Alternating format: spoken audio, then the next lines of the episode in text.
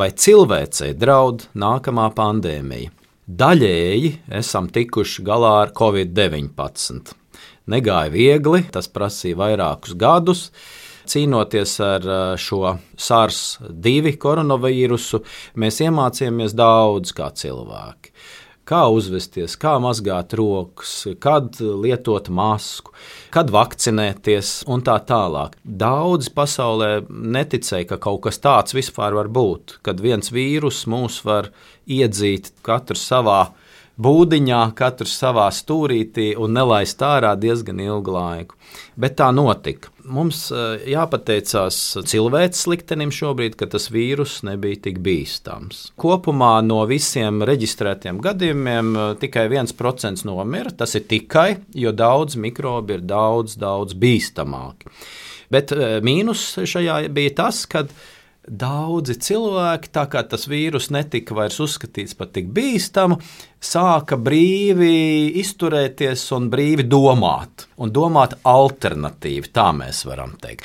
Protams, koronavīrus gadījumā to varēja atļauties, bet daudz bīstamāk būs, ja cilvēcei būs darīšana ar kādu daudz nopietnāku ierosinātāju, daudz nopietnāku vīrusu vai baktēriju. Un šeit eh, atbild uz jautājumu, vai būs pandēmija, tas vai viņa būs, tas ir gandrīz vai simtprocentīgi. Tik jautājums ir, kad tā būs. Un šobrīd tas uh, vīrusu kandidāts, kurš varētu būt tas uh, galvenais uh, ar vislielāko varbūtību, ir putnu gripas vīruss.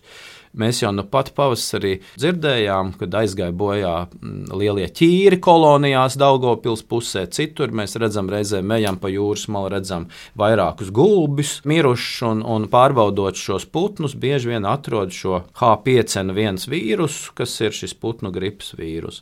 Tajā gadījumā, ja šīs vīrus iekļūst cilvēku šūnā un tur jau priekšā ir paša cilvēka vīrusu, tad tie vīrusi var samainīties ar eh, savām daļām.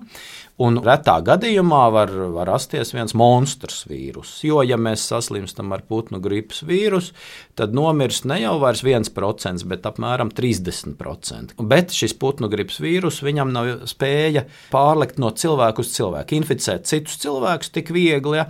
Bet, ja viņi tagad abi satiekās un tagad viņi samainās ar šo informāciju, un tas monstrs iegūst īpašības gan e, nogalināt, gan arī pārlikt no cilvēka uz cilvēku cilvēku, tad sākās pandēmija. Un tad, ja šāda pandēmija sākās, tad atkal atkārtojam tieši to pašu, kam mēs esam jau izgājuši cauri, bet ar vienu atšķirību, ja vīrus būs bīstamāks, tad Eh, alternatīvu domāšanai nebūs vieta. Jo tā, diemžēl, tā evolūcija virzās. Tas, kas ir spēj mainīties, piemēroties, tas izdzīvo, un kas, diemžēl, paliek ieķerās savā ego, pats var palikt pie savām domām, bet samazina līdz ar to savus iespējas izdzīvot. Mēs kā cilvēks esam mugurkaulnieks. Mēs jau gan sakam, ka reizēm nav mugurkauli, ja? bet cilvēks ir mugurkaulnieks. Kopumā pasaulē ir apmēram 50 tūkstoši mugurkaulnieku. Nu, putns, vardīte, žurka un tā tālāk visiem ir mugurkauls. Sikspārns arī. Un tagad katram šim mugurkaulniekam ir apmēram 20 tādi savi sugai raksturīgi, tikai piemērojušies vīrusi. Sareizinām 50,000 20, mēs redzam, ka dabā ir ap miljons jau vīrusu. Ja?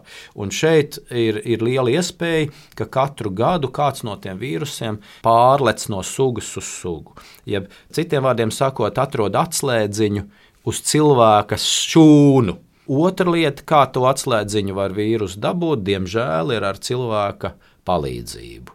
Un te mēs runājam par pilnīgi citu jau tematu, kas ir bioterorisms, kur laboratorijā var mainīt šo vīrusu. Vai cilvēks var ietekmēt pasauli? Jā, šobrīd diezgan pamatīgi var ietekmēt, iejaucoties arī gēnos. Ir labā puse tam, bet ir arī kā vienmēr medaļas otra puse. Katra metode jau nav laba vai slikta metode ir kļūst laba vai slikta tikai tad, kādās rokās tā nokļūst. Ja? Un šajā gadījumā arī var tātad, gan cilvēka radīt pandēmijas vīrusu, varbūt, gan dabā viņš pārlec no sugas uz sugu, un šāda iespēja ir, un tā iespēja arvien palielinās. Jo cilvēki kļūst vairāk, un daudz citu faktoru, kas šo iespēju palielina. Cilvēka rokās vēl ir glābt cilvēci, un uh, nākt pie prāta. Pēdējo gadu un mēnešu notikumu gan par to, diemžēl, neliecina.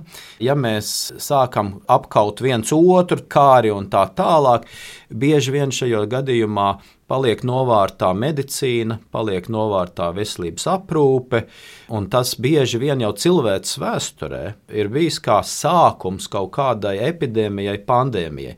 Tieši šī cilvēku pašu plēšanās. Un es ceru, ka mēs šos jautājumus kā cilvēki, ja mēs esam saprātīgi, homo sapiens, mēs tos atrisināsim. Ja neatrisināsim, tad atkal nav tik optimistiska tā nākotne.